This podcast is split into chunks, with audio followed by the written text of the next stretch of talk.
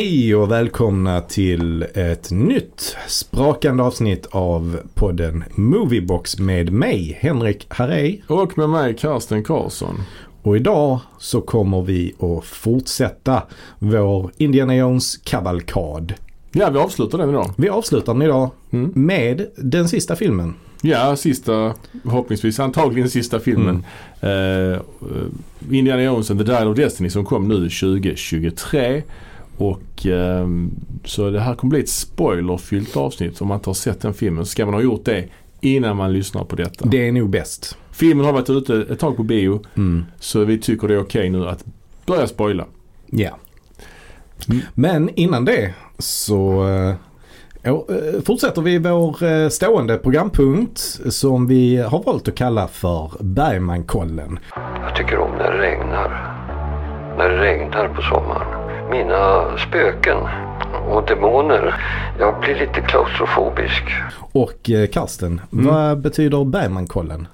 Bergmankollen är då att vi går igenom hela Criterions Bergman-box. Det är vårt nyårslöfte. Vi ska gå igenom alla filmerna i den ordningen som de ligger i boxen och vi går igenom några filmer eller någon film varje avsnitt. Och i slutet av året så kommer vi att ha en topplista bland de bästa Bergman-filmerna. Och hur är det nu med ordningen vi ser de här filmerna i? Vi ser dem i den ordningen som de ligger i boxen. Som, eh, det är alltså Criterion själva som har valt ordningen på boxen. Att det är inte en kronologisk ordning utan en kurerad ordning eh, som ska lite vara som en slags filmfestival. Och nu har turen kommit till nattvardsgästerna. 1963 kom den. Ja. Och den är ju del två i den här trilogin då som om Guds tystnad. Där Mm. då eh, Så som i spegel utgjorde första delen kan man säga. Mm. Och det är en stark cast här också ju. Ja, Många kända ansikten. vi har eh, Gunnar Björnstrand återigen. Ja, i huvudrollen får man Mm. säga. Och sen har vi Ingrid Thulin också ju. Mm. Ett tag sedan vi såg henne ju i Värmlandskollen. Ja. Hon var ju med i Smultronstället också till exempel. Mm. Eh, vi har också Gunnel Lindblom Just det, som också är en återkommande aktris verkligen. i Bergmans filmer. Eh, och eh, sist men inte minst Max von Sydow. Ja, Och kanske inte ens sist heller. Vi Nej. ska ju också nämna Allan Edwall. Allan Edwall ja, Mm. Emils pappa. Ja. Eh, han är ju med också. Och han är inte med så ofta i Bergmans filmer. Nej, men eh, han är med i ett par Bergman-filmer. Det är han ju, absolut, absolut. Eh, är han med i Fanny Alexander? Borde Ja. han vara ja. Precis, det är väl den jag tänker på. Ja om men han är med fler. Alltså, det är han kanske. Visst är han väl det. Djävulens öga är med. Ja, ja, ja. Och Jungfrukällan. Ja, okej, men då har han några stycken där ju. Mm. Några stycken eh, Bergman-filmer på sitt CV. Mm. Eh, den här filmen, vad handlar den om då? Eh, ja, det är ju så då att eh, som du nämnde där så eh, eh, Gunnar Björnstrand han Mm. spelar ju alltså en präst Mm. i den här filmen. Eh, och ja, i grund och botten så handlar det om hur han förlorar sin tro. Ja. Och det är väl egentligen det filmen handlar om. ja, han spelar präst och eh, det är många scener i kyrkan ju. Ja. Ehm, och uh, de här kyrkoscenerna, det, det är ju rätt mycket kammarspel över filmen till en början ju. Sen Mm. är de ju lite mer utomhus också på andra platser. Men det är lite kammarspel. Lite så här ångestens svar på Breakfast Club. alltså de sitter där i den här salen, han är Mm. längst fram. Mm. Ehm, ganska stel dialog i den här filmen också, precis som i förra får man väl Mm. säga. Men den har ett par så här djärva stilgrepp får man väl säga. ja, definitivt. Det mest kända stilgreppet Mm. är ju när um, Ingrid Thulin Mm. har en lång, lång, lång monolog Mm. och läser upp ett brev. Eller egentligen är det väl då att Gunnar Björnstrand läser Ja. ett brev Ja, som karaktären har skickat till honom. Men istället för att vi får se honom läsa det så får vi se då Ingrid Thulin då läsa upp monologen. Ja. Och då tittar hon ju rakt in i kameran Precis. nästan hela tiden. Ja, Och jag vet inte, det är ganska lång scen ju. Alltså Mm, det är ganska lång. 5-6 minuter tror jag. kanske. Hon pratar mycket om sina händer. Hon har problem med händerna, eksem och hon, berättar om hur hennes man Mm. då, Gunnar, eh, liksom Mm. äcklas av henne. Nej, de är nog inte gifta va? Okej. Utan eh, hans fru har ju gått bort. Precis, förlåt ja. Mm. Hur, hur han äcklas av henne. Eh, hon är skolfröken i, i orten så att säga. Och Mm. han är ju präst. Eh, och Och ja. de har ju ett förhållande. mm, Ehm, ehm, och eh, Thomas då som Gunnar Björnstrands karaktär heter. Han, Mm. han är ju enkeman tror jag. Ja, det är han, eh, precis. precis. ja. Ehm, och han har då existentiell kris då. Mm. Helt enkelt. Mycket på grund av att han förlorat sin fru. Till exempel. Mm. Sen är det ju många eh, andra han träffar som har olika kriser. Så Ja. Någon som är väldigt orolig för det här med att kineserna snart har utvecklat atombomben. Ja, Nämns ju till exempel. Eh, men filmen börjar ju med då att, eh, att eh, Gunnar Björnstrand håller en mässa. Ja. Eh, och sen efter mässan så stannar några karaktärer kvar för att ta nattvarden. Ja. Och det är ju då den här eh, skolfröken som spelas av Ingrid Thulin. Det är det gifta paret Gunle Lillblom och Max von Sydow där Mm. Max von Sydow är en eh, fiskare. Mm. Och alla de här tre vill ju stanna kvar för att prata enskilt med, eh, med eh, prästen. Ja. Ehm, och vi har ytterligare några karaktärer här också. Som, Mm. som nämnt, Allan Edwall spelar ju en kyrkovaktmästare. Ja. Så han går ju omkring i faggorna också. Mm. Och fungerar kanske lite som andlig rådgivare åt prästen. Kanske Mm. man kan säga. Mm. Eller? Alltså, Mm, mm, kanske. alltså han, Ja. det känns som att han hjälper honom lite. Ja, Så. precis.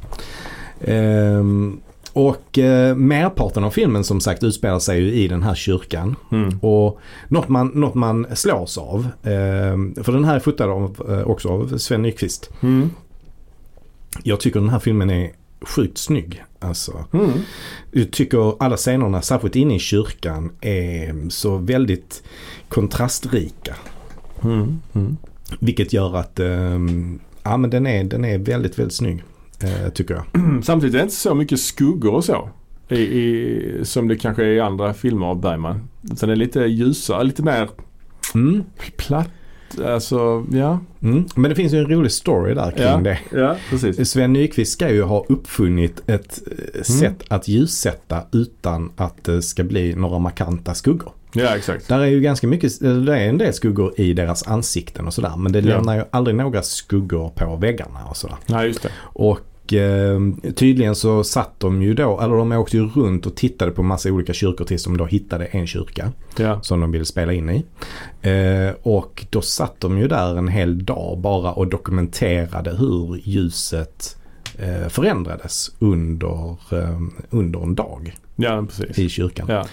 Och ja, i kyrkor är det ju väldigt mycket stora fönster och det är väldigt ljust inne i kyrkor och det blir inte så mycket skuggor då. Nej, exakt. Eh, Men Sven Nykvist hittade på en, en metod för att ljussätta på Mm. ett väldigt mjukt sätt så att det inte blir så mycket skuggor.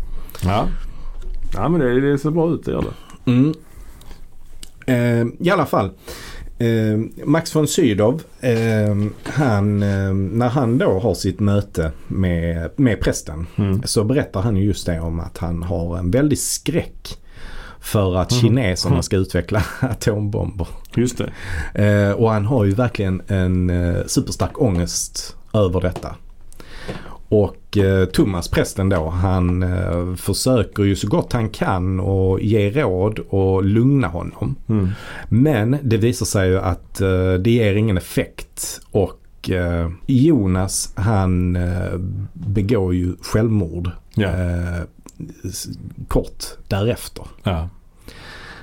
Och det är ju det här som sätter igång krisen hos prästen Thomas. Mm. Och det är ju då han börjar tvivla på Guds existens. Han säger ju en sak. Han säger om Gud inte finns blir livet begripligt. Mm, Det är en bra replik. mm. Men jag förstår inte den. Ja, han menar väl att eh, okej, då förstår jag självmordet eftersom det inte finns någon gud. Och, alltså så. Mm. Mm. Ja. Ja, bland annat. Det är också en väldigt stark scen i slutet när Gunnar berättar om allt sitt hat för Thulin. Mm, Hur hon äcklar honom. Det är en mm, rätt stark scen Mm. alltså. mm. Och så säger han till henne när hon gråter att sluta gnugga dig i ögonen. Hon torkar tårar. Var så superhårt alltså. Ja, ja. Ja, det är det. Ja. Ehm. Mm, vad tycker du om den här filmen då? Jo men jag, jag har sett den två gånger. Alltså en gång för 20 år sedan och en gång Mm. nyligen. Jag tycker den är ganska, ganska spännande. Ganska intressant. tillhör nog inte toppskiktet av hans filmer. Den har den här lite stela, liksom, de stela scenerna. Mycket monologer och Mm. Väldigt välformulerat men inte så levande alltid. Är detta kanske nidbilden av eh, en Bergman-film? Ja men kan, kanske det kan vara ja. Precis. Folk som bara har en, inte kanske har sett någon Bergman-film, men bara Mm. har en generell uppfattning om vad Bergman är och vad han gjorde för Ja. filmer. Så är kanske detta det som de ofta tar upp som exempel eller som de syftar på. Det kan ju mycket väl vara ja. Ja. Precis. Och jag kan väl tycka att ja, det, det här tillhör inte mina favoriter. Jag tycker ändå inte heller att det är en dålig film. Nej, Alltså, nej. eh, Jag tycker den har sina förtjänster. Mm. Men jag tror att jag har ett problem att relatera till karaktärerna lite grann. Mm. Mycket på grund av att eh, jag själv inte är särskilt troende. Nej men jag håller med. ens troende överhuvudtaget. Ja, exakt så är det ju. Exakt så. Eh, Det är alltid ett problem när det handlar om en präst som tappar tron att man kanske inte kan relatera så mycket till det. Nej. Så är det ju. Eh, Ja, nej men eh, nästa gång i Bergmankollen kommer vi bland annat prata om del tre i den här trilogin. Om Guds tystnad. Mm. Och det är då i filmen Tystnaden. Just det, passande namn. Mm. Passande namn. Men då tackar vi väl för Bergmankollen den här gången Ja, då. det gör vi. Ja, Jag tycker om när det regnar. När det regnar på sommaren. Mina spöken och demoner. Jag blir lite klaustrofobisk. Okej, då har vi alltså kommit fram till sista delen i vårt sommartema om Indiana Jones och då har vi kommit fram till den senaste filmen som heter Indiana Jones and the Dial of Destiny som kom då nu 2023. Ja. Och det är ju den första filmen som inte har någon svensk titel. Nej, just det. Det hade man väl kunnat ge den egentligen. Ja, det är lite orent det där ju. Att Ja. man inte gör det. Men det är en svår titel. Alltså, Alltså, dial, vad är det? ens? Ja, men alltså man behöver ju inte översätta det ordagrant för det har man ju inte gjort tidigare. Har man inte? Eh, in, alltså den första filmen. Nej, just det. Den första filmen har man ju inte riktigt gjort det. Nej, verkligen inte. Och vad heter den andra filmen? Ja, Fördömdas tempel är väl rätt så likt. fördömda. Ja, det är, Temple för, of Doom det är är väl- fördömda stäm- ja. ja, absolut. Jo. Kunde heta Domedagstemplet kanske i och för sig. Men Ja, Ja. ja. Eh, men eh, nej, det är sant. Dial of Destiny har ju översatts till ödesmekanismen. Mm, det är kul. Det låter kul tycker jag. Ja. Indiana Jones och ödesmekanismen. Bra namn skulle jag säga. Ja, ja. Jag har ju faktiskt inför den här filmen som jag faktiskt Mm. har varit väldigt sugen på att se. Jag var väldigt Mm. peppad. Indiana Jones liksom. Mm. Eh, gått in i en, en annan del av Indiana Jones-franchisen, det vill säga tv-spel och dataspel. Oh, Ja. Så jag köpte på Tradera ett gammalt Nintendo Wii-spel som hette Indiana Jones and the Staff of Kings. mhm, Där han letar efter eh, Moses stav som han hade när han delade Röda havet. mhm. Uh, där är nazister med allting liksom. Det är ett ganska dåligt spel ska jag säga. Okej. Alltså du tänker dig Uncharted fast ja, en tiondel så bra. ja, ja, Och rätt så gammaldags grafik ju. ja. Wii, just det. Det var Nin- den Nintendo Wii kom på 00-talet där. liksom. Ja, och det var det som var lite så att man skulle vara aktiv och sådär. Det Ja, kom man ska- sportspel, man ja. skulle boxas och sånt. Precis, här, här viftar man lite när man piskar och sånt. Ah, okej. Eh, men jag köpte faktiskt det här spelet bara för att man fick extra material på skivan. Och ett av extra materialet var det gamla eh, dataspelet Indiana Jones and the Fate of Atlantis. Som Mm. jag ägde till Amiga, Mm. typ tidigt 90-tal. Ja. Och eh, det, Då är frågan, är det det spelet jag också ägde till Amiga på 90-talet? alltså det är ju... Eh, Eller, fe- eller, het- eller fanns det ett spel som var Indiana Jones and the Last Crusade? Det kanske det gjorde men det jag pratar om är ju ett spel som är samma eh, motor, alltså uppbyggnad Mm. som de här klassiska Monkey Island. Känner du till dem? Ja, och Leisure Suit Larry. Ja men lite så. Fast, Eh, typ. Ja Inte typ så. riktigt. Man pekar och klickar. Monkey Island var ju bättre. Alltså, ja men det är ju var ju mer avancerad ja, Men det är. Lucas också.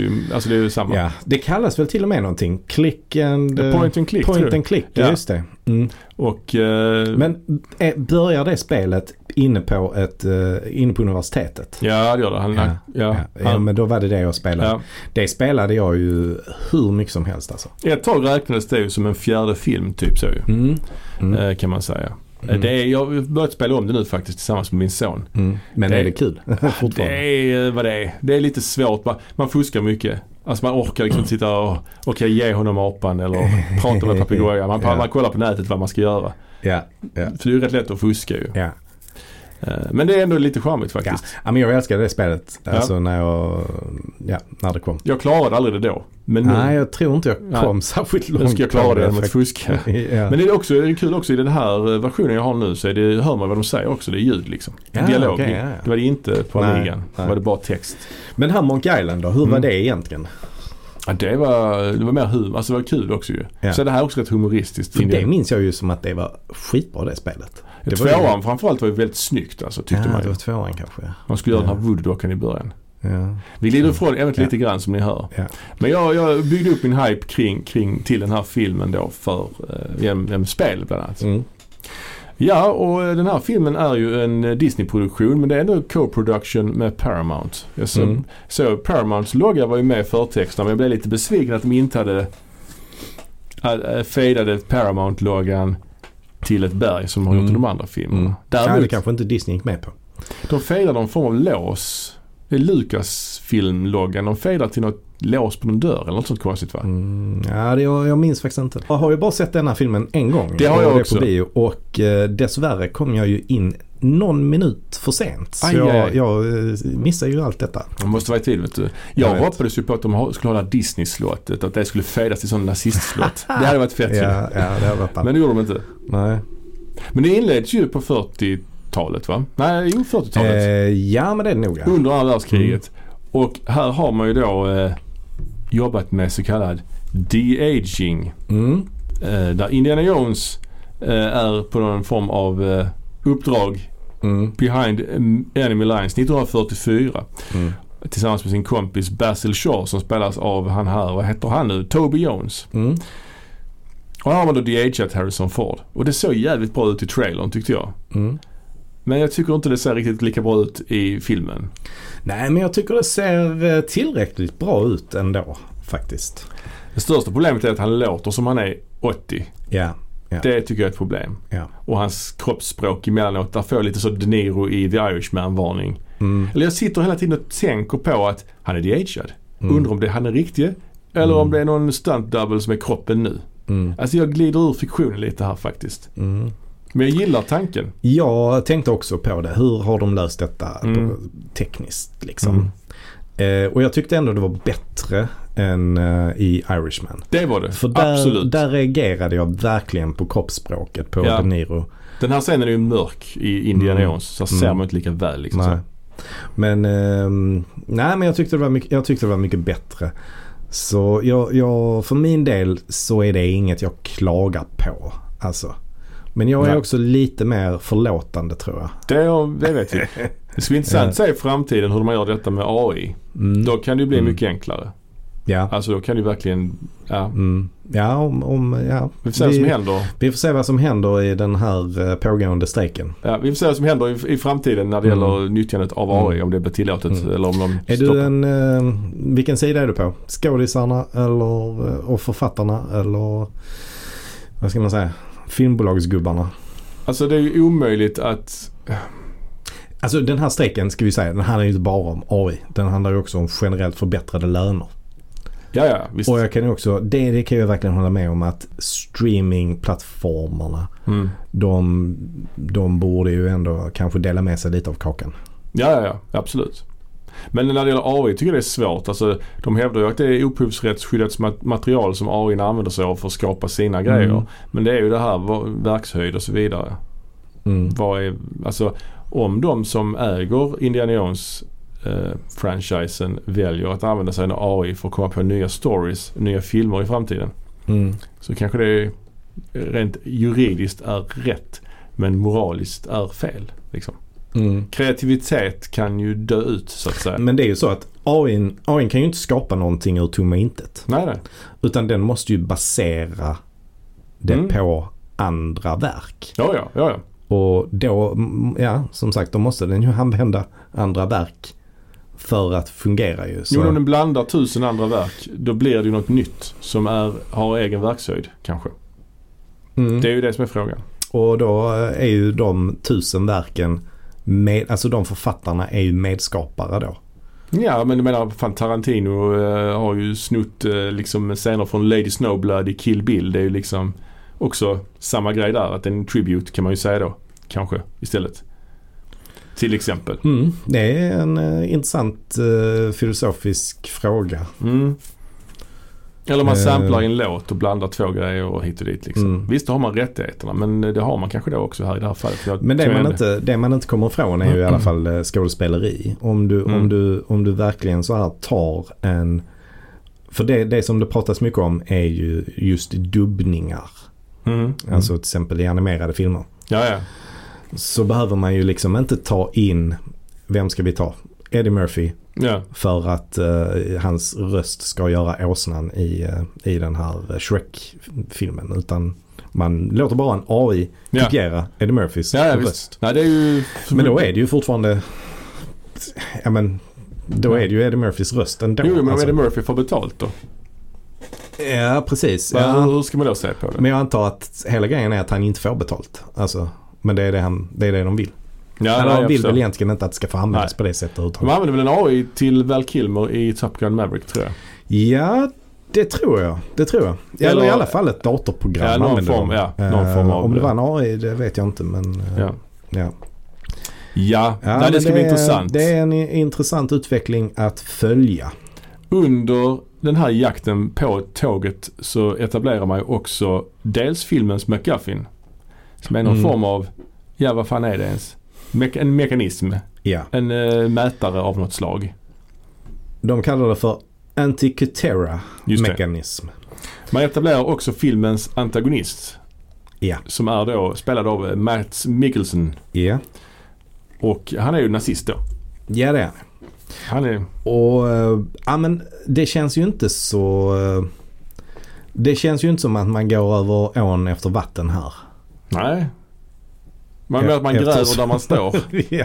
Nej Ja. men han känns passande som en, eh, som en nazist. Han är jättebra. Och det, det känns som att ja, men han är ett obvious choice. Verkligen. Eh, och han gör det ju med bravur också Ja. tycker jag. Absolut. Han är, Han är jättebra. jättebra. Han är jättebra. Däremot så reagerar jag på under den här jakten på, på Mm. tåget så får han ju en rejäl smäll i huvudet och flyger av tåget. Mm. Där dog han tänkte man ju. Mm. Ja det tänkte man ju inte. Men Nej det eh, tänkte man inte. a lesser men- known actor would have died. Ja, men eh, han repar sig ganska bra eh, Ja. från den här smällen. Ingen skråma. Får vi ju eh, se senare i Det filmen. finns inte ens en replik, ingenting att han har gjort constructive surgery i huvudet. Nej. Han ser nej. ut som han gjorde innan. Alltså, Han Ja. återkommer nämligen längre fram i filmen. Man får i och för sig inte se hur han får den smällen och var den smällen tar. Det är inte säkert att det tar i huvudet ens. Jag får mig det ser ut som huvudet. Vi har bara sett filmen men, en gång. ja, men absolut. Alltså, men det går väldigt, väldigt snabbt. Ja, det snabbt. kan lika gärna ta i, i övre bröstregionerna. Okej, liksom. men sen flyger han av ett tåg också som går i hur många kilometer i timmen? Absolut, Så att, ja. rakt in i en skog. Så Ja att, men han har ju, borde ju få lite Mm. så svårt att gå efter det. Men, han haltar inte ens va? nej, Han kunde haft sån nazisthalt som herr Flick Ja. av Gestapo. Ja. Hade funkat jättebra. nej men jag, jag, jag, jag, för jag visste ju lite grann vad filmen skulle handla om innan jag såg den. Ja, ja. Alltså jag visste att det handlar om tidsresor på något sätt. ja jag visste också det lite grann. Mm. Eh, och jag har ju hela tiden då, eller när jag såg detta så trodde jag ju på något sätt att Mads Mikkelsen skulle ha ja, använt, använt ödesmekanismen för att komma tillbaka i tiden. Mm. Alltså, Det hade varit eh, typ, rimligare. eller komma fram i tiden. Eller, Det hade varit varit rimligare än att han överlevde då. ja, faktiskt. kanske. Ja, ja, En tidsresa hade varit rimligare. ja, ja. Eh, Men sen klipper man ju fram till år 1969. Och Mm. Indiana Jones har blivit gammal. Och det Mm. gillar jag. Jag gillar att han blivit så här gammal och ointressant. En grå Mm. kostymnisse, kontorsnisse Mm. liksom typ. Jag får bara fråga vad du tyckte om den här första scenen. Som en uh, öppningsscen i en Indiana Jones-film. Ja, jag blev lite för distraherad av AI eller eh, Ja, av, av the, the aging-grejen. liksom. Ja. Eh, och sen var- tyckte jag det var lite mörkt Mm. och eh, lite svårt eh, att orientera sig. Vi ska också säga, detta har jag glömt att nämna, detta är ju första som inte regisserad av Steven Spielberg. Mm. Det är ju James Mangold. Mm. Och han kanske inte är en lika van actionregissör som Spielberg är. Nej, precis. Det är han nog inte. Nej. Jag kan inte riktigt komma på vad han har gjort för slags actionfilm tidigare. Nej. Jag vet att han har gjort Logan. Den här eh, Wolverine. eh, Den var i och för sig rätt bra för mig. Ja, den är bra ja. Ja. Där återkommer ju han skådisen också, Holbrook. Han är väl med i båda va? Mm. Tror jag. Mm. Nej, jag, jag vet inte men jag tyckte inte det var så, jag tyckte inte det var så bra. Eh, Jag gillar att det Mm. var nazister och 40-tal och sånt. Men jag blev distraherad av att det var de-aging. Jag kände att det var lite, lite rörigt. Vad tyckte du? Mm. Jag gillar den eh, Ja. faktiskt. Jag, eh, som sagt, jag störde mig inte så mycket på de-agingen som du gjorde. Men Nej. jag är en mer förlåtande individ än vad du är. Ja. Eh, sen gillade jag faktiskt Toby Jones. Eh, jag tycker han är ganska rolig i den här eh, filmen. Och Mm. eh, jag tyckte scenerna med, han skjuter ju bland annat Indiana Jones av misstag. Just det. Eh, jag tyckte det var ganska kul faktiskt. Mm. Ehm, och eh, nej men ganska, ganska häftig scen på tåget överhuvudtaget. Särskilt, särskilt i slutet på den scenen när de är uppe på tågtaket. Och de tvingas till exempel lägga sig platt på mage för att Mm. ja, liksom komma under en tunnel som tåget kör in i. Och sen så kommer det eh, liksom stridsflygplan och Ja. eh, skjuter, skjuter sönder tåget och bombar, eh, eh, bombar en bro. Och de tvingas hoppa, hoppa ner från den bron innan tåget kraschar. Sen är det väl kanske lite uttjatat med fighter på tågtak. Det har man sett så många gånger förr. Mm. Bland annat i den här filmserien har man sett det en gång i en tidigare Mm. öppningsscen. Men, Ja, i, i. River, Phoenix där Ja. Just det. Mm. Så det är kanske Ja. lite tjatigt. Ja, jo det kan det vara. Och, och dessutom så går det ju en annan film på bio just nu som Ja. innehåller en fighting-scen på ett tågtak. Ja, Mission Impossible då. Mission Ja, Impossible, del 7, del 1. just det. Ehm, ja, men man klipper sen då till 1969. Ja. Indy är gammal och grå och ointressant. Och man etablerar då 60-talet genom att han sitter i bara överkropp dessutom i sin lägenhet och man kör igång Beatles Magical Mystery Tour. Mm. I, I trailern var det Stones, den här Ja, Sympathy, det var det. Ja. Sympathy for the Devil, Ja, som man ja. bytt där. Ja. Konstigt. Ja. Ehm, ehm, men jag gillar det att han har blivit Men gammal den och ointressant. friheten får man ha i en trailer. Ja, jag vet. Det var precis så konstigt. Beatles Mm. by- byts ut till Stones. Men det har väl hänt Inte förr. jättekonstigt egentligen. De Nej. är ändå ganska likvärdiga band Nej, det kanske var att man inte visste vilken låt man skulle, alltså man valde, man kunde inte bestämma Mm. sig. Så, ah, vi tar den här i trailern och den här i filmen. Liksom. Mm. Men jag gillar i alla fall det här att han är så här gammal och grå och jobbar liksom fortfarande inom, inom Mm. universitetsvärlden fast Mm. ingen vet liksom vem han är längre. Sådär. Han är bara en Mm. gammal gubbe sådär. och han ska ju sluta liksom. Och universitetet han jobbar på är ju heller inget så eh, häftigt universitet. Det är ju inget Ivy League-universitet utan jag minns heller inte vilket det var. Men Nej, det är i New York nu ja, det är ett New York-universitet. Men där finns några stycken som ju är Ivy League. Men detta här är ju eh, inte ett så namnkunnigt universitet. Nej, precis. Lite sämre universitet. Eh, så att, ja men man märker ju att det har gått rätt så dåligt. Han, vi ser också att han dricker lite, rätt mycket alkohol. ju. Ja, just det, just det. Han är lite däckad han, liksom. han börjar dagen med det. Precis. Eh, men vet du vad det, det jag reagerade allra starkast på? Nej. Alltså alla scener där vi har fått se Henry Jones Jr. Mm. Eh, undervisa så har han alltid glasögon på sig. Mm. Det har han helt plötsligt inte längre. Nej, ja. Man kanske gjort sån här eh, Eh, operation. Ja.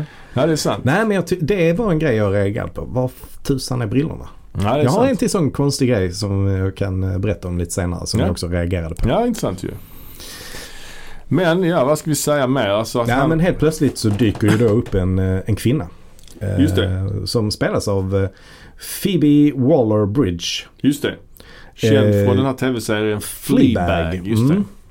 Har du kollat på den någonting? Lite grann. Det är något helt annat än detta kan man ju Ja. säga. Mm.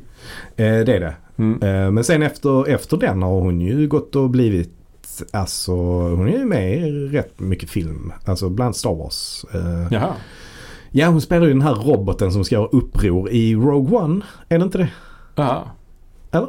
Nej, det tror jag det är en kille som är robot. Skitsamma. Är det, Men vilken är det då hon... eh, är det Mandalorian någonstans? Ah, jag. Nej det är, en, det är en Star Wars-film. Uh, Är det inte den Andor? Nej, ja det är en serie. ja, det vet jag. Solo är det. Ja, okej. Solofilm. Jaha, Där spelar hon. Ja, eh, okej. Det har jag glömt. Ja, men hon, hon är på hans lektion och börjar svara på frågor. För han är rätt trött på alla de här, vad heter det, eleverna han har. De kan ju så lite. Men hon börjar ge bra svar på hans frågor. Han blir lite impad av henne ju. Mm. Och eh, ja, Och sen visar det sig Mm. då att eh, hon är då dotter till uh, Toby Jones eh, karaktär. ja och hans guddotter då. Ja, precis. Och det är ju en flashback i filmen sen också. Till när Mm. man får se dem träffas när hon var liten Mm. och han är de-agead. ja, precis. En flashback, är ett, ett grepp som inte används på det sättet i Indiana Jones faktiskt. Nej, eller hur? Det är... Det är i så fall bara då River Phoenix-scenen då men det är inte Mm. samma sak för den börjar ju, filmen börjar ju med den så det är ingen flashback på det sättet. Nej, det är precis som den här filmen också börjar med en sån flashback ju. Ja exakt, exakt. Så att eh, nej, det, är- det är faktiskt det. Men det kanske är lite orent alltså om man ska vara ärlig. Ja.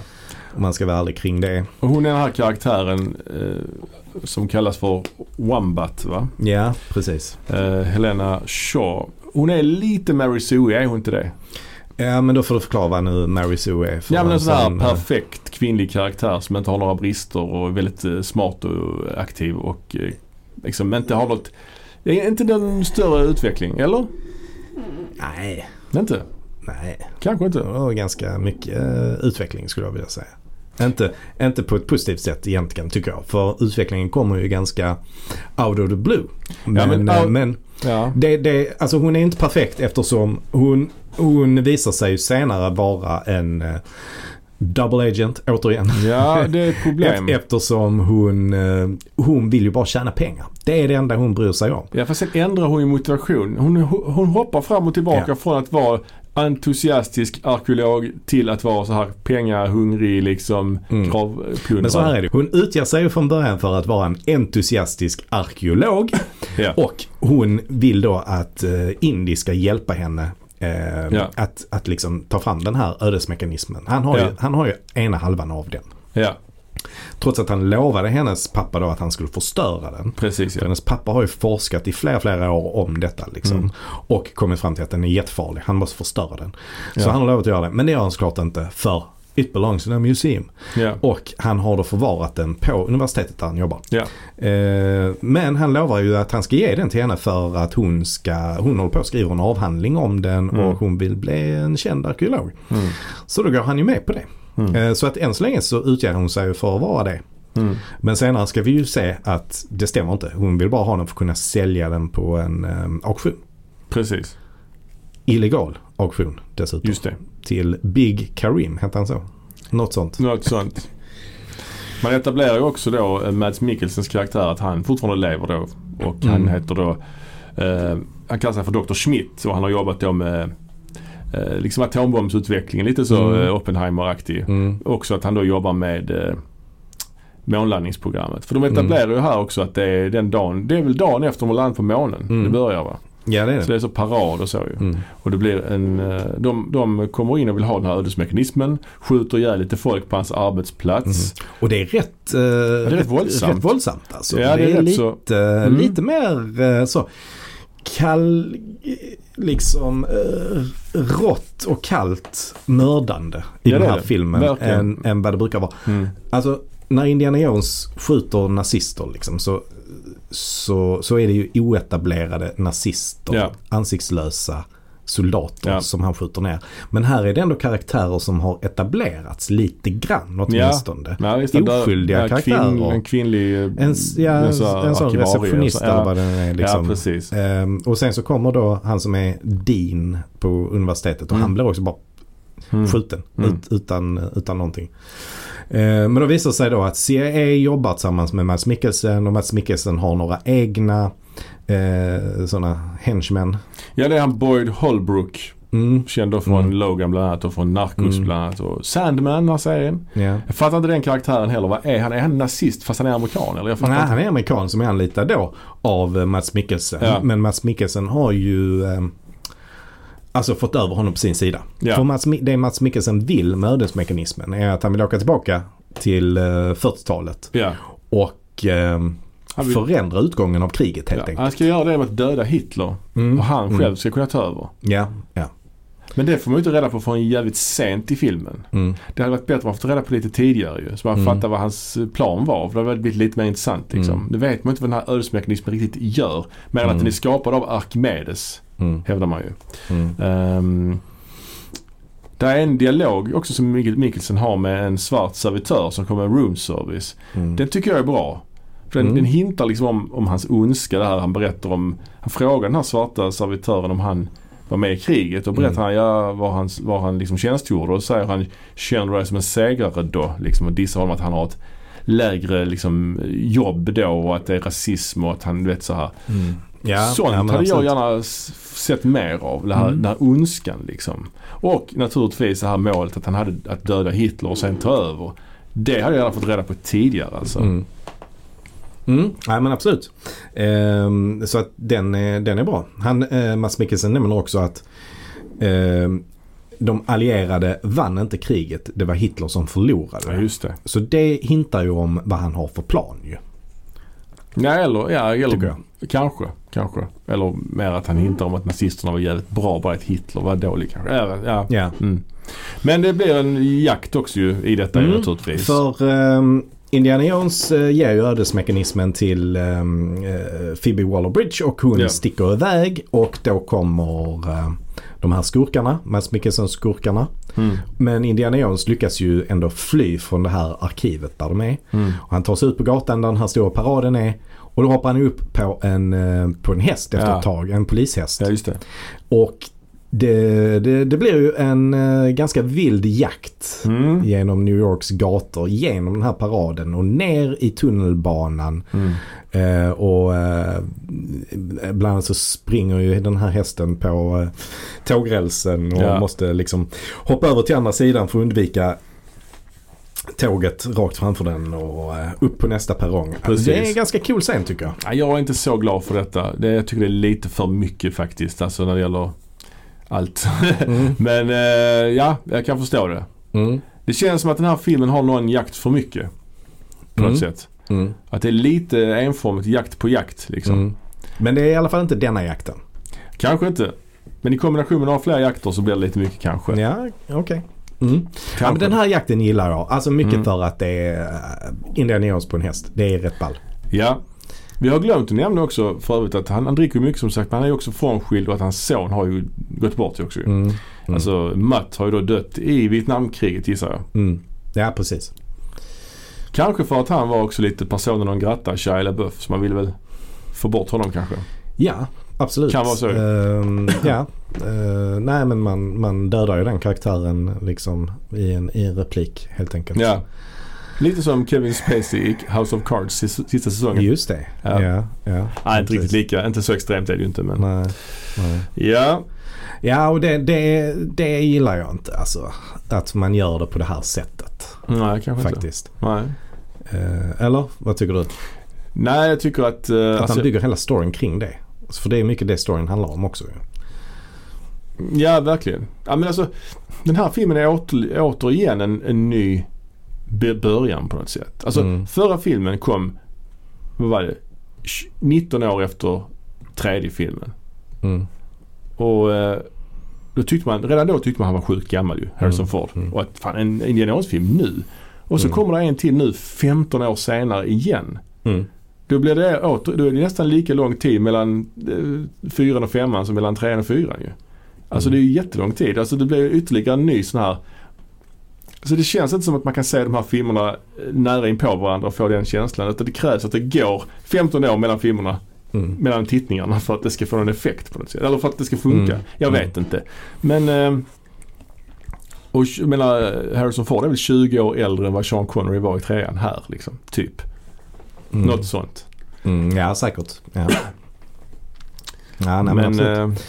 eh, Ehm, mm, nej men alltså mycket av grunden handlar ju ändå just det här om att Matt har dött ja. och det är det som har fått eh, eh, Indiana Jones och Marion att separera egentligen. Absolut. Det nämns lite längre fram Mm. i, en, i en replik.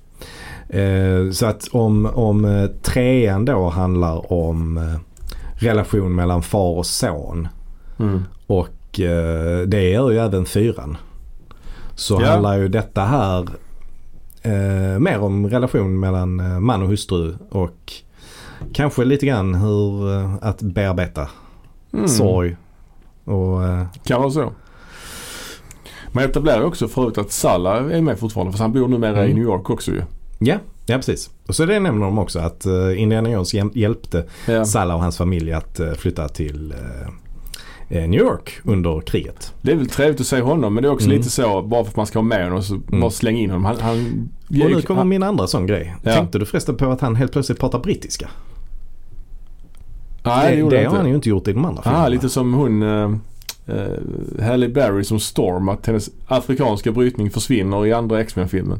Också konstigt. Ja, Men eh, det har jag inte något minne av i och för sig. Men eh, om det är så, så Mm. är det ju exakt samma sak. Ja, ja, ja. Faktiskt. Eh, nej men i den första filmen så pratar han ju med någon form av eh, fake, fake-brytning. ja det har han ju ja. Mm, precis. Eh, trean är jag lite osäker på hur det är där. Men Nej. här pratar han ju ren, alltså vanlig brittiska som han pratar annars. Det är också så här, åh, jag hade gärna åkt med dig på ett sista äventyr in i. Mm. Mm. Så bara nej, jag åker själv. Ja, så det är bara ja, så här antiklimax liksom. Bara så Ja, onödigt. Bara ja. ha med en rolig karaktär liksom. Varit Ja. med tidigare. Bara men absolut. Fanservice som det Mm. heter. Man såg också det när, när de reser då. eh, Han ska resa till Tangier. För Mm. hon ska, han ska hitta henne, hon ska sälja den här. Att de hade gjort om den här röda linjen. Designen på den var lite annorlunda. Mm. Den var lite annorlunda. Mm. Gillar vi Eh, inte. nej, nej, men jag tyckte det var lite onödigt Ja. eh, att fippla med den. Eh, de visar liksom så här. Ja men här åker de med flygplan och, och sen gör vi en prickad eh, linje istället Ja. när de åker eh, med något annat fordon. Ja, Buss typ. Onödigt. Eller något. Ja, det är ganska onödigt faktiskt. Men de åker till Tangier och eh, för det är där eh, som Phoebe Waller-Bridge ska sälja den här ödesmekanismen. precis. Och Indy är ju där för att stoppa henne. Och hon har också en sidekick som heter, vad fan heter han? Teddy. Mm, Teddy, just det. En eh, pojke då som Mm. också är en tämligen onödig, menlös, jobbig Ja. karaktär. Ja, ganska, ganska jobbig Mm. och eh, ocharmig. Ja. Vi har ju en liknande karaktär kan man säga i eh, tvåan. Ja, Eh, men den karaktären gillar man. Liksom. ja han är ju charmig. ja, Ja. han är charmig. Han har karaktär också. Och där är han på Indis sida vilket gör att man ändå, ja men han är en hjälpreda. Mm. Det är inte den här karaktären riktigt utan han Nej. är ju på, och det är väl det som kanske jag tycker är lite jobbigt med den här filmen att Phoebe Waller-Bridge vill ju, hon är ju inte på Indis sida någon gång egentligen. Ja, det går Alltså, lite fram och tillbaka. Det går lite fram och Ja. tillbaka. Mm. Så länge hon har nytta av honom så är hon på hans sida men egentligen är hon inte på hans sida. Och den här Teddy är ju på hennes sida. Så det Ja. gör att man inte är så himla förtjust i, i Teddy. En annan sak. Men en sak som etableras här Mm. faktiskt är ju att när, när Indy ska gå in på den här auktionen Mm. så sitter ju han och, och så här låtsas att han är i ett flygplan. Ja, eller något åh, sånt. det är så dåligt. Ja, Som, eh, att, som att de eh, sår ett litet frö till eh, filmens slutscen. ja det är faktiskt jätte, jättedåligt. Han sitter Ja. inne på ett kasino och har någon jävla instrumentpanel till ett flygplan på ett blackjack-bord typ. Mm. Och sitter där och övar och så är det någon gubbe som säger ja du ska dra den spaken innan du gör det och sånt. Det är fan, det är dåligt det alltså. Ja, det, det, Ja. det är faktiskt dåligt. Som tur är det bara en liten detalj Ja. som är väldigt lätt att missa. Eh, Mm. ja, men ingen av oss missade. Jo, det är det. Det är, Ja, ja, det, är, ja. det är ju Alltså det är inte något viktigt ju. Eh, I alla fall så kommer Indy in i den här auktionen och stoppar Ja. eh, försäljningen. Samtidigt som också Mads Mikkelsen och hans henchmen kommer in Ja. där. Man etablerar ju att han eh, känner, de känner igen varandra och så vidare. Ja, Han är ifrågasätter inte att han lever tänkte du på fortfarande. det att eh, alltså Boyd Holbrook eh, hette ju den ene Ja det är ju hans skådisen. eh, Ja. skådisen. Ja. Men den andra henchmannen han såg ju helt bisarr ut. ja, han är, ja, han är på lika bred som han är lång. ja. Han är riktigt stor alltså. Ja, ja. Alltså han är ju perfekt tycker jag i Ja, ja. den rollen. Ja, ja. Ehm, med, med det utseendet så ja då vet man man kan spela för eh, roller liksom. Men det är verkligen, eh, den här filmens dramaturgi är ju sådan att de eh, är på ett ställe och sen kommer de här tre snubbarna dit, de tre nazisterna. Mm, Och så flyr de. mm, Och så ett annat ställe. Och så kommer de dit. mm. Alltså det är, visst så kanske man kan hävda att de här, några av de andra filmerna också är. Men det här blir så extremt tydligt för det blir lite enformigt. Liksom de, de, de tar inte vara på mystiken på samma sätt som man gör i, i tredje filmen eller, eller första filmen. Till och med fjärde filmen skulle jag säga. Det är inga det, det finns inte liksom. Utan det blir bara, oh vi är här och nu kommer de igen, vi drar. Mm, mm. Det, jag tycker det är... Och sen är det i och för sig Mm, nå- ja, men det kan, det kan jag hålla med det är bättre... Jag tycker det är sämre action generellt men det är klart här är en bra jakt här i Tangier. De, de åker tuk-tuk. Den är rätt så uh, actionspäckad. Mm. Också en, en scen inne på den här auktionen där, där alla helt plötsligt, eller Indy drar upp sin Mm. piska och Ja. börjar piska i luften. Och sen så börjar, så bara drar alla där inne upp vapen och Mm. siktar mot Indy och skjuter men han duckar ju. Ja. Den är också rätt rolig liksom Ja. för att det är en eh, blinkning till en klassisk scen i första filmen ju. Alltså när det kommer en sån Mm. svärdman Just det, som eh, fäktar mot Indy men han bara Ja, tar upp pistolen och skjuter honom. så är det ju faktiskt. Ja. Eh, den, den tycker jag är rätt så, rätt så rolig. Är det typ faktiskt. enda gången i den här filmen han använder piskan? Eh, jag vet inte. ja, jag, Jag minns inte tror riktigt. där är, där är fler, där är fler tillfällen. Och sen följer ju tuk-tuk-scenen. Och den är ju rätt rolig också eftersom de bland annat måste backa eh, nästan hela tiden. Ja, just det. eh, för att komma undan eh, de eh, efterföljande. Men sen lägger man in en del rätt dåliga grejer som, som den här eh, pojkvännen då till eh, Phoebe Waller-Bridge. Ja, de det känns- sånt, ja, Det känns bara too much. de har sånt liksom. argument under Ja. jakten. Ja, det, det, det, det, känns Mm. onödigt och, och dåligt. Det hade inte behövts. Men precis. Så man har liksom pepprat in en massa olika små grejer här Mm. som, som gör att det blir lite, ja men det, det behövs inte. Nej men precis. Och sen tycker jag också att man använder Indiana Jones-teamet ganska dåligt i den här filmen. Mm. Och lite för lite nästan. Ja, lite, ja, och lite för vän, alltså plumpt om man ska säga. Mm. Det bara Mm. brassar på liksom i någon, något ställe som inte är så Mm. Bra liksom. Mm. Ehm, ja men de ska vidare för att hitta en McGuffin för att kunna ta sig vidare och då anlitar han ju Antonio Banderas uh, sjökaptens karaktär. Mm. Apropå kända skådisar som har lite att göra. Mm. Mm. Eh, så är det ju här, han är ju det hade ju inte behövt vara han liksom. Det kunde Nej. varit någon annan Ja. mindre känd men alltså Mm. jag vet inte. Ja definitivt. Ja. ja det är lite märkligt att han, eh, att han är med i den här filmen i, i den här rollen när det är så, när det Ja. är så liten roll. Ja, Eh, visst. Så att eh, det är lite synd för han är ju en intressant karaktär. Det hade ju kunnat vara ganska Ja. kul med liksom den här djuphavsdykaren, spanska Ja, ja, djuphavsdykaren. Men nazisterna kommer dit och dödar honom ju. Ja, precis. Och sen så är det... Men jag gillar ändå det när de är, innan det så är det ju faktiskt en ja, dykscen. ja. Ehm, som jag gillar. Det känns lite så, eh, vad heter han? Jean Cousteau, heter han Ja? Cousteau ja. Cousteau, Ja, mm. kanske inte Jean. Men Cousteau i alla fall. Jacques Yves Cousteau jag. Ja. Cousteau. Ja. Ja. ja men det känns lite Cousteauigt. ja, men kan förstå. Eh, Kan förstå Cousteau. Ja precis. Ja, precis. Eh, Det är som är, ålar som då. är ganska snyggt. Ja, och det är ålar som han är rädd för istället för ormar och så vidare. Ja exakt. För Ja. de dyker då ner eh, och, och hittar ett romerskt eh, Ja. skepp då. Fartyg. Precis. Eh, och där finns den sista McGuffin-grejen. Som att de det har bevarats så länge det är ju fantastiskt. Ja men den var eh, liksom insmord i vax var den inte det? Ja, då så. Ja. Det är perfekt ju. Men, men som sagt så är det en massa ålar och det är... Ja, det gillar inte Indy. Det gillar inte Indy. Men Men då kom... räddar faktiskt Phoebe Waller-Bridge honom. Ja, Så det är en första sån turning point där från, från henne. men sen kommer ju nazisterna. Mm. nazisterna. Och eh, dödar Antonio och eh, då eh, så gör ju hon en sån här double cross igen. Låtsas Mm. hjälpa nazisterna. Men sen tar hon en dynamitgubbe och tänder eld på och spränger båten och så flyr de därifrån igen. Så Mm. hon har ändå berättat vart de ska ju. Mm.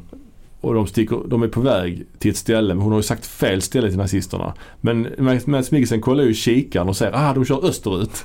Ja, Då är det inte ja. dit de ska som hon Mm. sa. Ah, det, det är också lite så, ah, kom igen. Mm. Kunde man inte gjort det bättre liksom. Ja, ja. Nej men det, det, det, kan jag, det kan jag hålla med om. Det är, ja, det är lite lazy writing. Ja det är det. Men sen är det ju filmens klimax där de, han klär på sig full nazistuniform.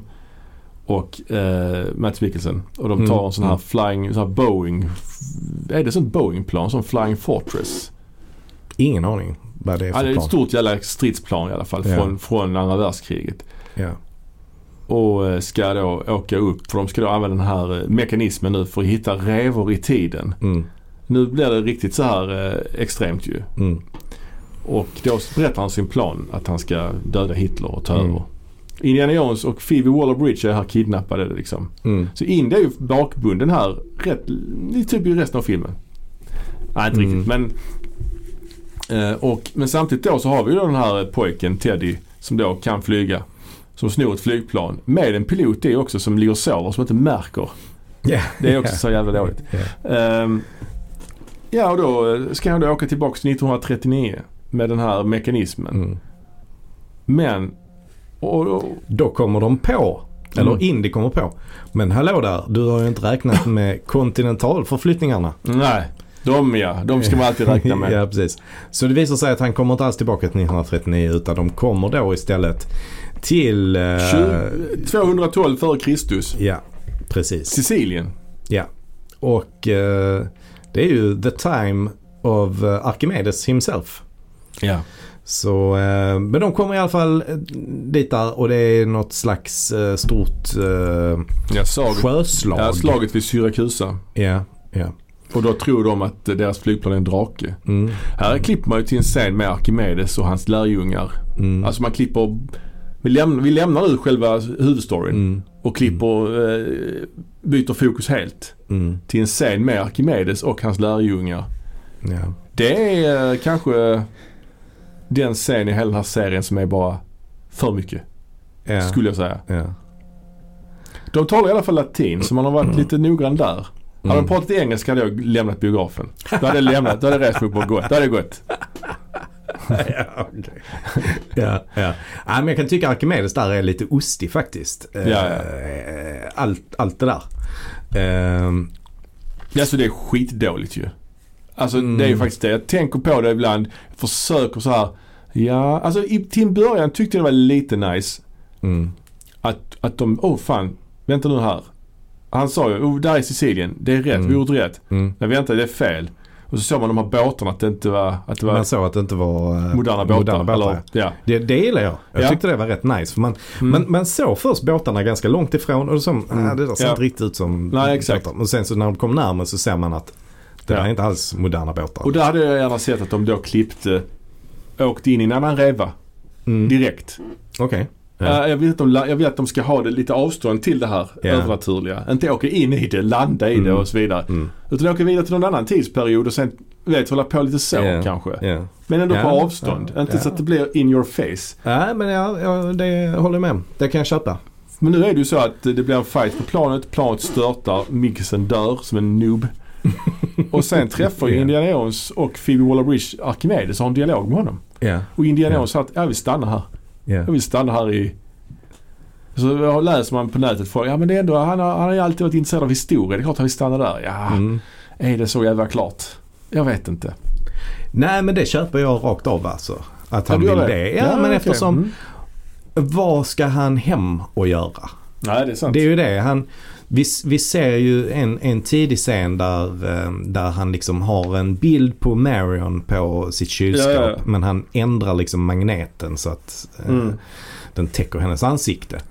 Eh, han har inget, han är, han är liksom pensionär. Ja. Han, ehm, ja, han har ingen familj. Han, har, han har ju ingenting där hemma liksom. Så att han vill ju, han vill ju stanna där. ja. Men Phoebe Waller-Bridge ger honom en smocka så han svimmar och tar hem honom ändå. Det är ju kanske filmhistoriens mest effektiva smocka. Ja, absolut. Alltså man fyller i, fyller i luckorna som händer. Hon slår ner honom. ja. Drar in honom i planet. mm. Startar, alltså han Ted är ju också med med sitt plan ju. Där var Och en, piloten. ja, italienare som låg så. Drar in honom med pl- planet. Använder mekanismen, åker in i den här rävan. Landar då antagligen på Sicilien. För de är ju där. Mm. Fast i, i 1969 istället. Mm. Tar båten över till, eller planet över till New York Mm. från Sicilien. Tar in honom i hans lägenhet. Klär av honom. Tar på honom pyjamas eller vad fan han har på sig. Lägger honom i hans säng och går därifrån. Effektivt. Och bandage tar hand om hans, han blir skjuten också som tar hand om hans sår också. Ja, just det. Sen vaknar han. Om man då liksom läser in i att såret egentligen är det som har eh, hållit honom eh, liksom sängliggande och eh, avtuppad. Ja, kanske. Så kan man ju köpa det möjligtvis. Ja, liksom. Men jag håller med dig. Jag håller med dig att det händer lite för mycket grejer där Ja, ja. Eh, under, den, under den smockan. Eh, visst. Det, Och sen kommer ju Salla dit också med sina barnbarn. ja. Och sen kommer Marion dit. Mm. Och sen kommer... Vem trodde du skulle komma sen? Eh, vadå, kommer det fler dit? Nej det gör ju inte det. Men jag var ju, trodde ju att de skulle då... Att hon, Matt menar du? jag trodde ju att det hade varit gött om de Aha. åkte tillbaka till tiden innan han dog. Och att... eh, Jaha, att, okej. att Ja, de- det hade varit en ännu mer effektiv smocka då. Ja men just att de använde den här eh, mekanismen till att åka Mm. tillbaks till innan han Mm. eh, gick med i Vietnamkriget. Mm. Och då Mm. hade det slutat lyckligt. Alltså då hade han haft sin familj Mm. tillbaka. Mm. Mm. Men det gjorde de inte. Antagligen för Nej. att han är personen non grata. Hade det inte varit det kanske det hade varit så. Jag vet inte. Det kan jag bara spekulera i såklart. Kanske. Kanske. Eller, så, alltså det, det kanske blir, alltså nu handlar det ju ändå om en slags eh, försoning och en förtröstan. Alltså att de tröstar varandra. Ja, Eh, Marion kom- och, och Indiana. Marion kommer ju dit och så har de en liten Mm. throwback till den här scenen i första filmen när Mm. Var det gör det inte ont och så vidare. Mm. Och den scenen var ju jättebra. ja kanske. Ja men rätt så bra. Jag tyckte, det, jag tyckte faktiskt det var en väldigt stark scen. Alltså Mm. eh, mellan de två. Jag tyckte, Sen- den, jag tyckte den var ehm, perfekt faktiskt. Sen klipper man, gör man ett märkligt klipp. Nu är jag inne på nitpicking lite grann kanske. Ja. Men sen klipper man till ut, utanför på gatan. Mm. Där eh, då Phoebe Waller-Bridge och eh, Salla ska gå och handla glass. Mm. Vi går och handlar glass! Mm. Tänkte jag "Va- varför klipper man till detta? Men sen så panorerar kameran upp till balkongen och där hänger hans hatt. Ja. Och så blir det som att han har hängt upp hatten. Men så tar han ju hatten igen Ja. och så slutar filmen. ja, just det. Det är ju bara för att man inte kunde klippa. Man var tvungen att klippa till någonting. För Ja. att kunna ha med den bilden med hatten. Ja. Så då gör man så här. Så bra var inte det med hatten tycker jag. Det hade kunnat sluta när de stod i köket Ja. ju. Tycker jag. Ja, ja men absolut. Ja. Jo, det, det, kan jag, det kan jag absolut. Det kan jag hålla med. Ja, ja det var väldigt Men det konstigt är ett snyggare slut med en bild på hatten. Jo, men vad konstigt att de klipper till dem igen. Alltså det blir så märkligt bara. Men skit i det. Men eh, Så ja. märkligt var det inte. Nej, inte så märkligt. Men eh, jag tyckte ändå det var lite märkligt. Ja. Men eh, ja, jag vet inte. Jag har alltid, alltid önskat att Harrison Ford gjorde fler Indiana Jones-filmer när han var i sin prime. Mm.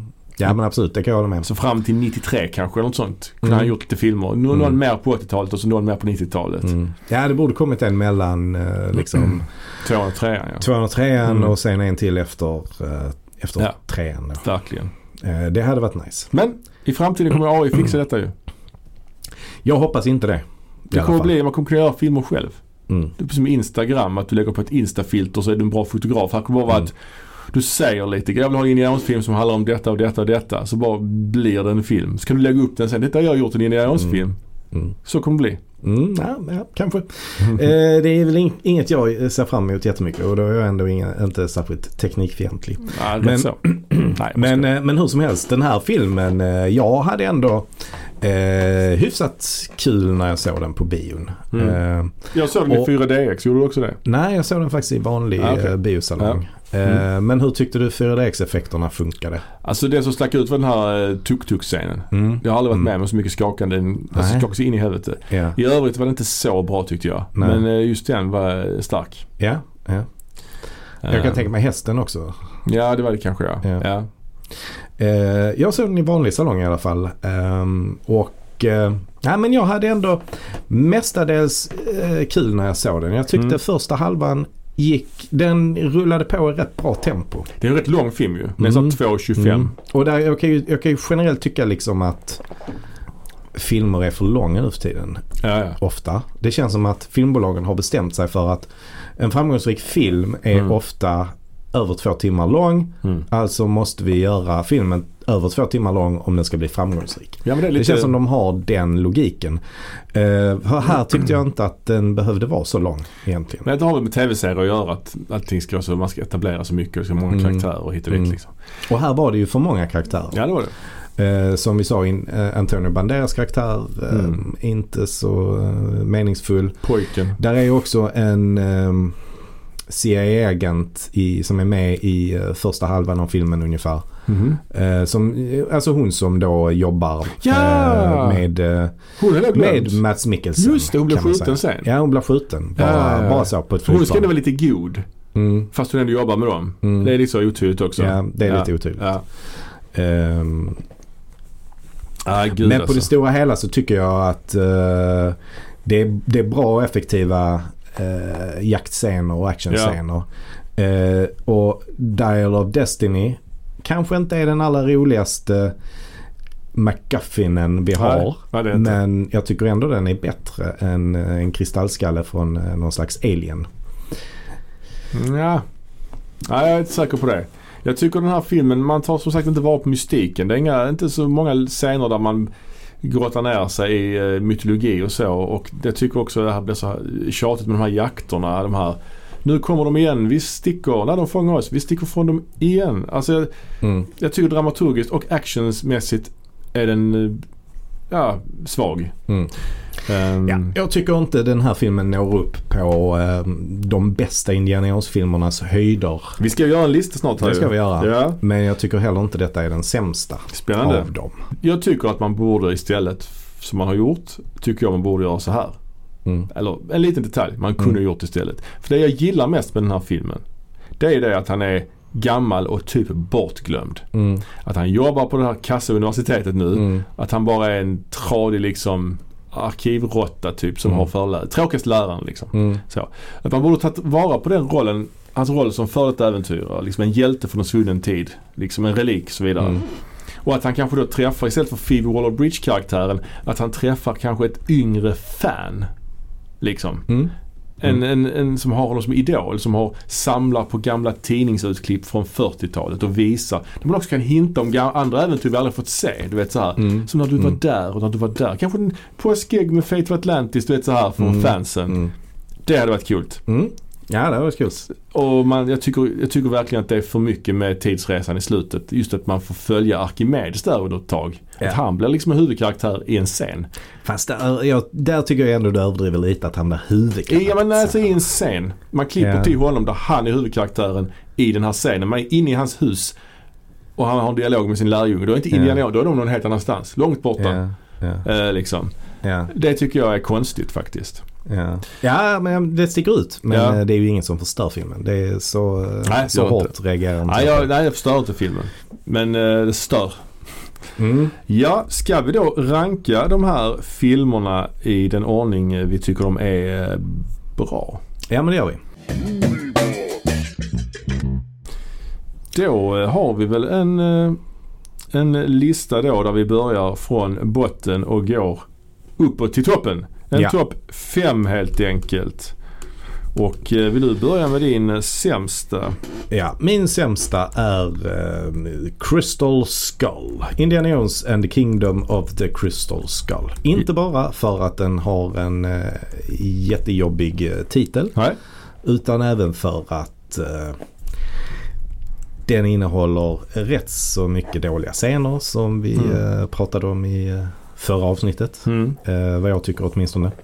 Eh, och på det stora hela så det här med aliens och sånt. Mm. Det är inte så förtjust i det. Det passar inte riktigt in i Indiana Jones. Det är inte det jag vill ha i en Indiana Jones-film. Nej. Ja, jag har ju då på femte plats den här senaste filmen, Dial Mm. of Destiny. Jag har ju bara sett den en gång så det blir lite orättvist. Den kanske växer. Eller så blir den sämre, det vet man ju inte. Eh, Men jag tycker att den är absolut sämst rent eh, actionmässigt, rent strukturellt. Det blir en, for, en, enformig dramaturgi. Och jag tycker att man, lå, man låter, man liksom hamnar, får aldrig riktigt landa i Indiana Jones gråa vardag där i början. Det hade man gärna fått göra lite Mm. mer. Eh, och den är, eh, ja, och slutet är för mycket på många sätt tycker jag. Ja. Och man nyttjar inte en bra antagonist heller. Som man kunde gjort. Mm. Ja, fjärde Mm. plats. Vad har du där? eh, på min fjärde plats där har jag Dial of Destiny. Ja. Och eh, jag tycker att det är en eh, helt okej eh, film. Men Mm. den, eh, den skiljer sig ganska mycket från övriga Indiana Jones-filmer. Eh, och eh, eh, den, den har också en hel del, massor som vi precis sa, massor med karaktärer som inte gör någon större nytta i, Mm. i filmen. Och precis. Phoebe Waller-Bridge, inget ont om henne som skådespelare. Nej, hon är bra skådis. Hon är bra skådis Mm. men jag diggar inte den karaktären jättemycket. Alltså. Nej. Sen har den väldigt mycket bra grejer alltså. Den, den har, eh, jag tycker öppningssekvensen är jättebra. Jaktscenen på hästen är jättebra. Mm. Tuk-tuk-scenen är jättebra också. Eh, så det att det finns mycket jag gillar med den. Mm. Men, eh, men den hamnar på en fjärde plats hos mig. Ja. På fjärde plats har jag den fjärde filmen, Crystal Skull. Kingdom of the Crystal Skull. Och det, jag tycker det är en film som är, har fått för mycket skit. Eh, och eh, jag tycker om alien-aspekten faktiskt. Jag tycker det är coolt eftersom det är 50-tal. Då passar det in när man hintar om Roswell. Jag gillar introt också med de här ungdomarna i bilen till Elvis. Sen har den aporna, det är störigt. Den har eh, atombomben i kylen. Också lite störigt kanske. Men jag tycker ändå den har, den är ett äventyr. Man är på spännande platser. Det är fortfarande en bra liksom mix av, eh, av locations och eh, scener. Så jag tycker att den här filmen har fått lite för dåligt rykte faktiskt. Jag tycker att jag har haft en period jag tyckte till och med den var bättre än, eh, än en annan film som är högre upp på listan. Det förvånar mig inte. Mm. Det förvånar, jag är förvånad att du inte har den på första plats. Oj. med. Här ser man. Eh, På tredje plats var du där då? där har jag Temple of Doom. Ja. Och eh, mycket, mycket här handlar ju om att Willie Scott är en eh, mycket dålig karaktär Mm. som är riktigt jobbig hela tiden.